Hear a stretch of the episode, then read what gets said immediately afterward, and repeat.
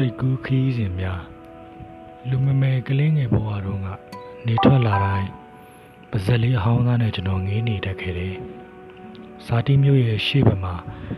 အရှိတောင်မိုးကုစုံဝိုင်းထိရှုမစိုးအောင်တွေ့တန်းနေတဲ့တောင်တန်းများတွေပက်လေဝိုင်းထားတဲ့အေယာမရေကန်ရှည်မျောမျောကြီးတစ်ခုရှိတယ်။မြူရီဆိုင်တဲ့တောင်တန်းပြပြပေါ်ကနေလုံးကြီးထွက်လာတိုင်းကောင်ကလေးတယောက်အိပ်ရထားလာတာကိုစီးကျုံနှုတ်ဆက်သလိုကျွန်တော်အ မြင်ငေးကြည့်နေခဲ့မိတာပေါ့။နေမင်းကိုအားရအောင်ငေးပြီးရင်တော့နနက်ခင်းလေးအောင်ကျော်ရွှေရောက်တောက်နေတဲ့ရေပြင်မှာတန်ငါလေးတွေပြားပန်းခတ်နေတတ်တဲ့ရေရေကန်တွေကိုအကြည့်ရောက်သွားပြန်ရော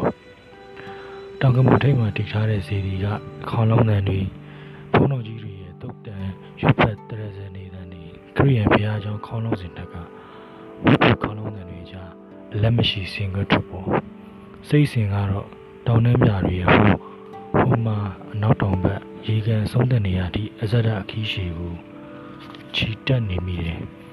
ဒီအပြောကျေလာတဲ့ရေကန်ကြီးရဲ့တစ်ဖက်မှာပါရှိတယ်ခင်ဗျာကျောင်းဆရာကိုမေးမိတယ်ဆရာကမြေဘူးပေါ်ကတနေရာကိုလည်းညှို့ထုတ်ပြတယ်အဲ့ဒီနေရာမှာမြန်မာနိုင်ငံတဝက်လောက်ကိုလျှက်စစ်မိပေးနေတဲ့လော်ပီတာရေတူကွနဲ့ရေရလျှက်စစ်စက်ယုံဆိုတာရှိတဲ့ရေတူအောက်မှာတော့တရုတ်ပြည်မှာမြေပြားခံ ရှန်ကယားကရင်ပြည်နယ်တွေကိုဖျက်ဆီးပြီးမော်လမြိုင်မှာပင်လယ်ထဲဝင်သွားတဲ့မြင်းမင်းတန်လွင်စီးဆင်းနေတဲ့ဆရာကဆက်ပြောတယ်တန်လွင်စီရှိရှုတဲ့တောနဲ့ထဲမှာတော့အပြတ်မောင်သမားတောင်းရမ်းသူ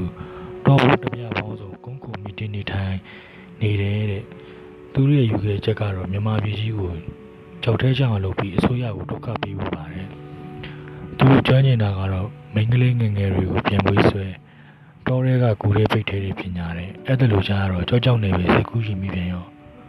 တကယ်တော့ဆရာပြောတဲ့တောင်းကျမ်းသူတော်ဘူးဓမြတိုင်းပြည်အစိုးရဆိုတာတွေက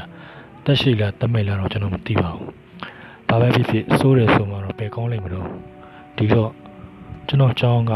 အတန်းတွေကကျောင်းနေပြည်ငယ်ချင်းတွေကိုသူတို့ဖမ်းဖို့ကြိုးစားတာကိုကျွန်တော်ကသူရဲကောင်းလုပ်ပြီးကာကွယ်တယ်ကယ်ဆယ်တယ်လို့စိတ်ကူးရင်နဲ့ကစားနေမိတယ်